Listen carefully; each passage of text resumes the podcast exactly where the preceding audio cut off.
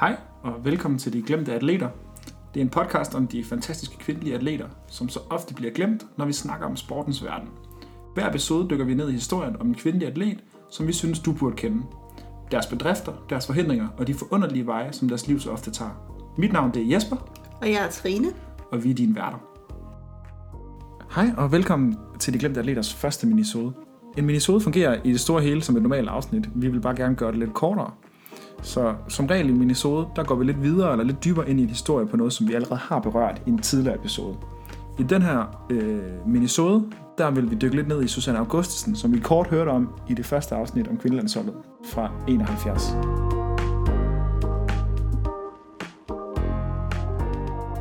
Og så er det blevet tid til vores lille korte nyhedssegment, hvor vi lige vil prøve at vende en lille nyhed, siden, som der er sket siden sidst.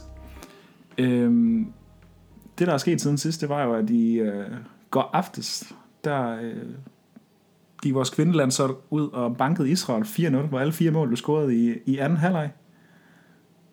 Ja, og det var en øh, to mål af Pernille Harder, et selvmål fra Israels side af, og så et mål af Sofie Junge. Kan vi lige få lov til lige at vende det andet mål, der bliver scoret af Pernille Harder, hvor hun bare hakker dem op i hjørnet. Det var et virkelig godt mål. Det var faktisk rimelig sindssygt.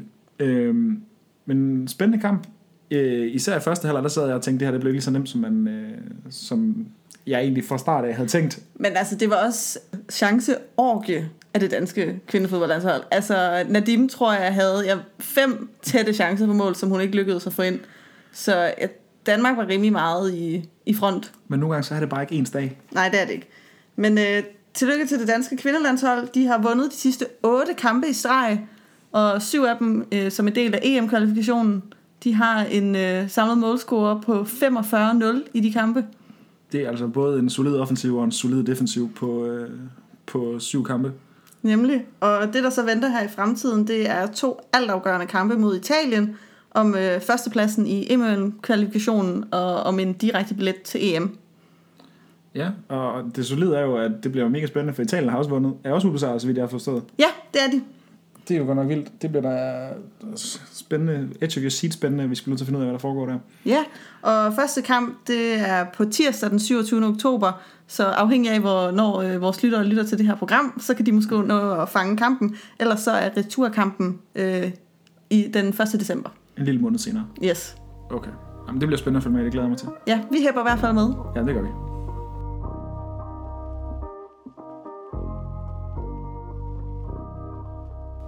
Og nu er det blevet tid til, at vi lige skal prøve at høre øh, dagens gode historie, eller man kan sige. Vi skal prøve at høre øh, lidt mere om Susanne Augustesen, som vi lige hurtigt hørte om. Den 15-årige triple målscorer i en VM-finale. Yes.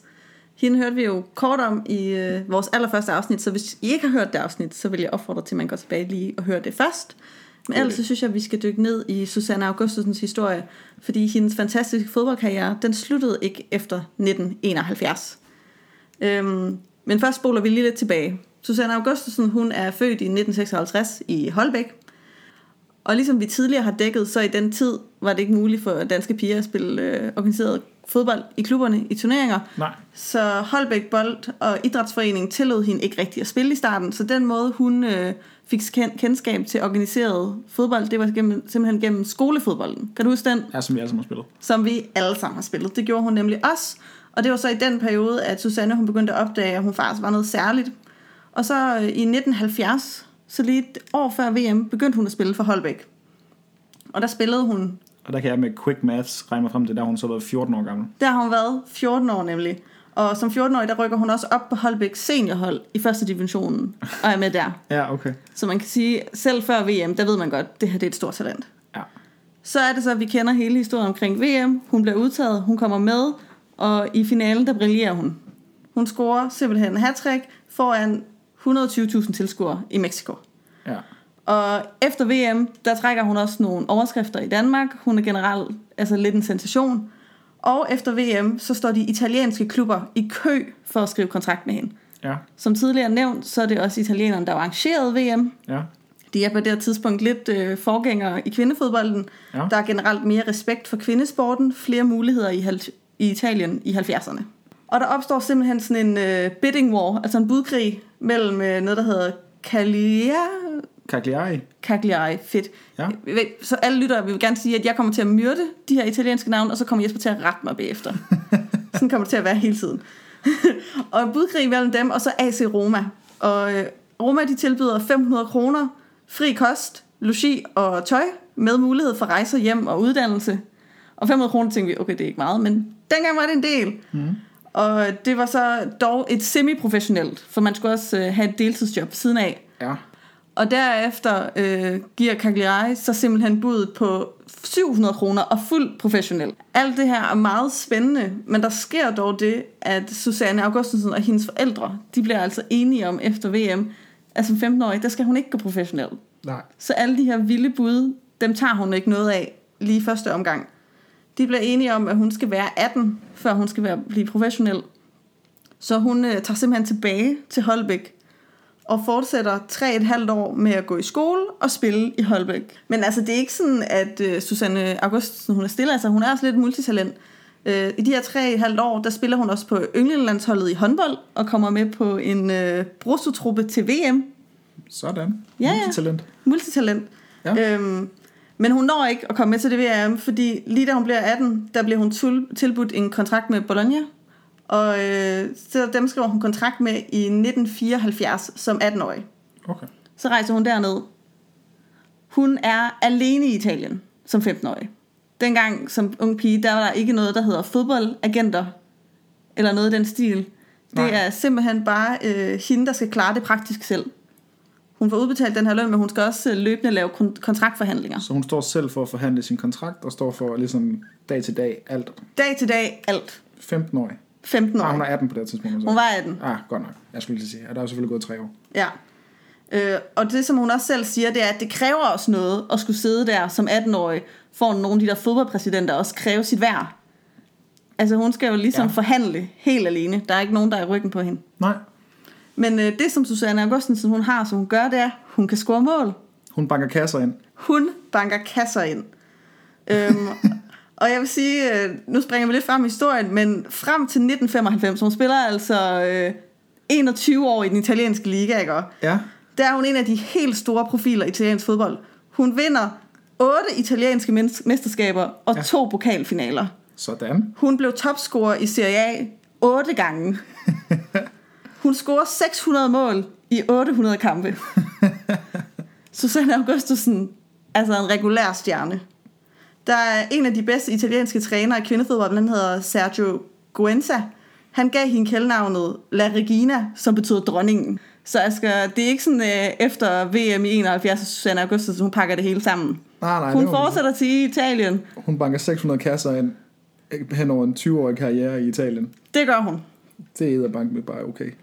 Så hun er også husket som en af de absolut bedste kvindelige fodboldspillere, der har spillet i den italienske liga. Sådan. Så du kan høre det med den her karriere, det her CV. Susanne Augustensen, hun er eftertragtet. Ja, ja det må hun jo næsten være. Det var sådan, at klubberne tog kontakt til hende, altså sådan regulært at tilbyde nye kontrakter. Ja, Det betød også, at hun hyppigt skiftede klub. okay. Hun skifter klub 12 gange i løbet af den her karriere. Okay. Og hun spiller for ni forskellige hold. Okay. Så det er meget normalt, at hun kun spiller en eller to sæsoner for et hold, og så skifter videre. Ja. Et eksempel på, hvad klubben ville gøre for at få hende i den her periode, det var, at imens hun spillede for Cogliano mellem 78 og 79, blev hun forelsket i byen og fik et stærkt netværk der. Så kom Lazio Ja. i Rom og tilbød hende kontrakt, Ja. men Susanna, hun orkede ikke at flytte.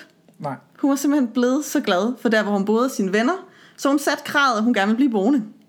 Det skal altså siges, at Rom ligger 600 kilometer væk Fra Conegliano. det gør det. Øh, men det var betingelsen, og der blev sagt ja. Så det, der skete, det var, at Susanne, hun blev, hun selv trænede, eller trænede med drengene på 3. divisionsholdet, og så blev hun fløjet hver weekend til Rom for at spille kamp. Og hun banker bare stadigvæk kasser. Og hun bankede stadigvæk kasser ind. Det er altså bare i orden. Så øh, hun blev fløjet frem og tilbage, og hvis det var udekampe, der var i nærheden, så tog hun tog eller kørte bil. Ja. Og øh, det, det tog man gerne med fra de italienernes side, fordi at hun var jo dronningen. Og det skal også siges, at mens hun gør det her fra 1980, der spiller hun samtidig håndbold i seks sæsoner i Italien. Sideløbende med sin professionelle fodboldkarriere. Så hun spiller to kampe per weekend. Det vil sige, fredag flyver hun til Rom, spiller fodboldkampen lørdag eftermiddag, Så bagefter flyver hun til, tilbage samme aften lørdag, og er der måske ved midnatstid, sover, og så søndag formiddag står hun op og tager til udkamp eller hjemmekamp i håndbold. det gør hun i seks år. Det er ret vildt. Ja. Og citatet, jeg kan finde for hende omkring, det er, fysisk kunne jeg godt holde til det. Det 13. var rejserne. Ja, okay. Ja, ja, så multitalent. Så det der med fodbolden, det, det holdt.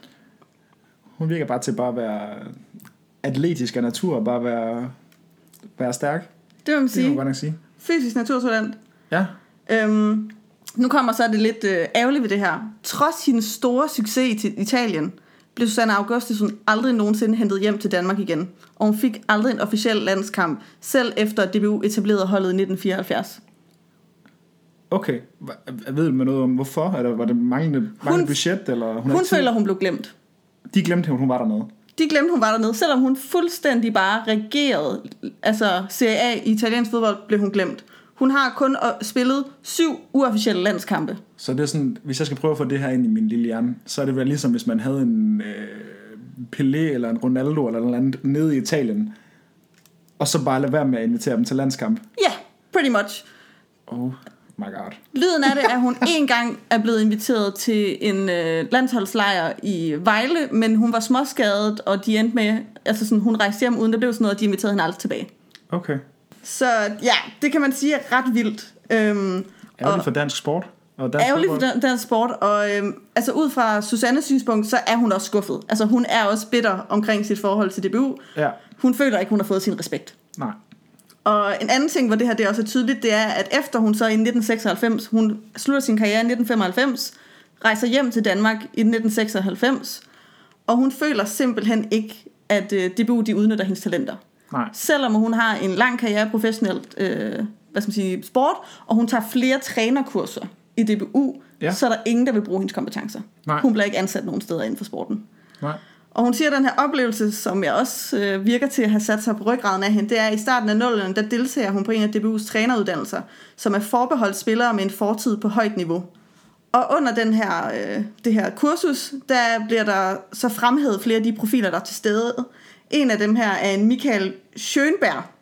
Jeg kendte ham ikke. Hvis du googler ham, så kan jeg godt sige al respekt til Michael. Hans karriere er ikke i nærheden af Susannes, men han bliver fremhævet, bliver klappet af mm. på det her. Susanne bliver ikke nævnt. Nej. Så jeg tror, Susanne sidder generelt med fornemmelsen af, at de respekterer hende ikke. Der er også citat her fra den glemte triumf, hvor hun snakker om det her, hvor hun siger, de kommer aldrig til at anerkende kvindefodbolden fuldt og helt, om der så går 100 år. Ja. Så ja, hun øh, føler ikke, at øh, DBU selv efter de officielt anerkendte fodbolden, gav hende den respekt, hun fortjente. Ja. Man kan så sige, at de senere år er der en lidt lykkeligere slutning på det. Ja. I 2017, der rakte øh, DBU så endelig øh, hånden ud, at øh, der blev Susanne øh, officielt optaget i DBU's Hall of Fame. Ja. Så hvis vi udover hun er der med 19, holdet fra 1971, så er hun der også solo. Så hun, hvad skal man sige, er nu her blevet anerkendt for sin karriere i Italien. Så hun er ikke kun som en del af, af holdet, men hun har også fået sin egen karriere ligesom anerkendt af DBU. Ja, præcis. Så hun er egentlig i DBU's Hall of Fame to gange. Ja, okay. Så hun har, DBU har jo anerkendt hende og rost hende, øhm, og hun er der som, øh, der er kun to kvinder, der er der solo i DBU's Hall of Fame, og den anden er en Lone Schmidt Nielsen, som også var holdkammerater med hende i AFC Trani i Italien i øh, 1980. Okay. Øhm, så der er kun øh, de to kvinder og holdet for 71. Det er altså vildt, at man... Altså, nu der, kan man så se med, med Lone Schmidt, øh, at hun jo også var i, i Italien på det samme tidspunkt, men det er så, at Susanne Augustusen så bliver glemt. At Ja. Det føles fuldstændig vanvittigt. Det er det. For så kan man jo tænke, at måske var det, fordi der ikke var så mange kvinder udenlandsk, men det er, der, det er jo så åbenbart ikke års- årsagen. Nej, det er det ikke. Øhm, og umiddelbart i det materiale, jeg kan læse mig frem, er der ikke sådan nogen god forklaring på, Nej. hvorfor hun er blevet glemt, eller DBU har så måske også klart nok ikke rigtig udtalt sig omkring det. Nej. Øhm, men altså Susanne, hun siger selv, jeg fik sat et aftryk. Jeg har i hvert fald blandt dem, der ved noget om fodbold, de husker mig, siger hun. Der vil jeg så gerne have, jeg vil gerne have, at der er flere, der skal huske Susanne. Ja, ja. Færre. Det er også det her med, den her lille min mini-episode, det er også et forsøg på at give hende noget af den respekt, jeg føler, hun ikke har fået. Ja. Altså, vi har jo dronningen, der har rundt nede i Italien. 600 mål, 800 kampe, Hen over 20 år. hen over Det er- 20 år. Altså, Så øhm, den dag i dag, der er Susanne Augustusen øh, 64 år. Hun bor på Østerbro og arbejder i København Kommune. Øh, ikke med noget, der overhovedet har fodbold at gøre, men øh, vi håber, hun har det godt, og så prøver vi i hvert fald her at give hende et, øh, lidt respekt. Ja. Det er, altså, det er en vanvittig karriere, som jeg aldrig nogensinde har hørt om. Nej, så det er jo det. Altså, hendes karriere sluttede ikke i 1971. Nej. Eventyret fortsat. Hun var ikke bare vild i en VM-finale. Hun var vild over, fem, over flere 20 år i Ja. Italien. Men øh, det var dagens gode historie. Så håber jeg, at alle de øh, lærte lidt ekstra om øh, Susanne Augustusen. Så jeg synes, at når vi snakker om øh, Danmarks profiler, så husk lige at smide hende ind i samtalen, næste gang der er nogen, der nævner det.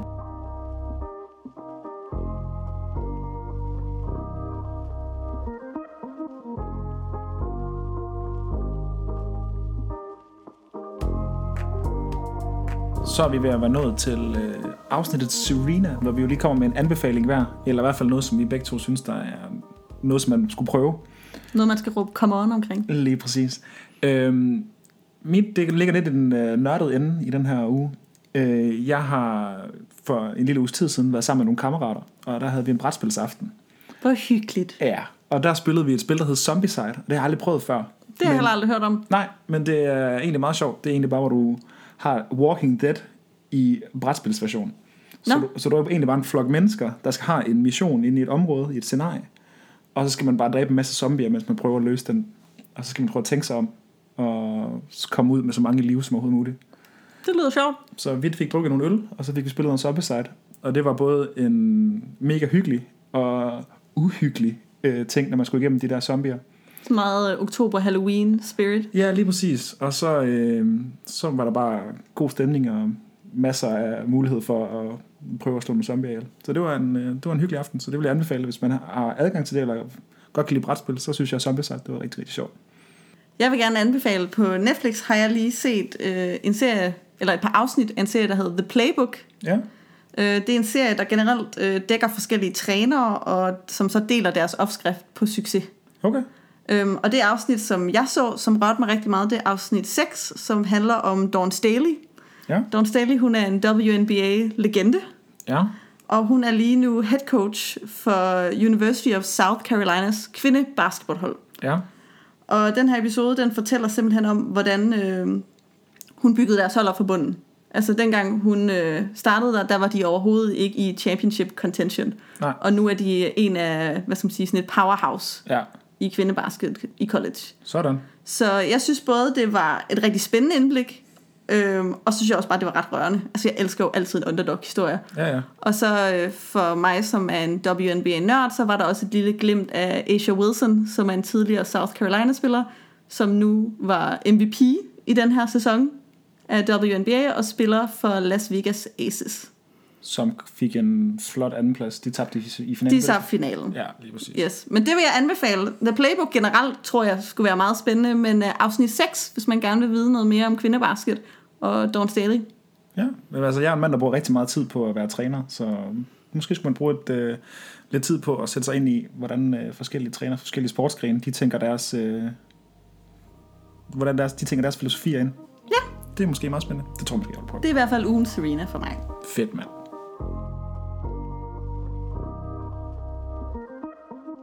Så vil jeg bare sige tak, fordi I lyttede med.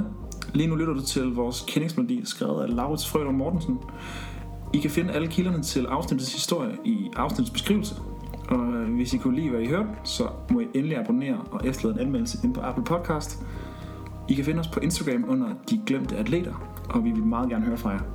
Mit navn det er Jesper, Og mit det er Trine. og mange tak, fordi I lyttede til De Glemte Atleter.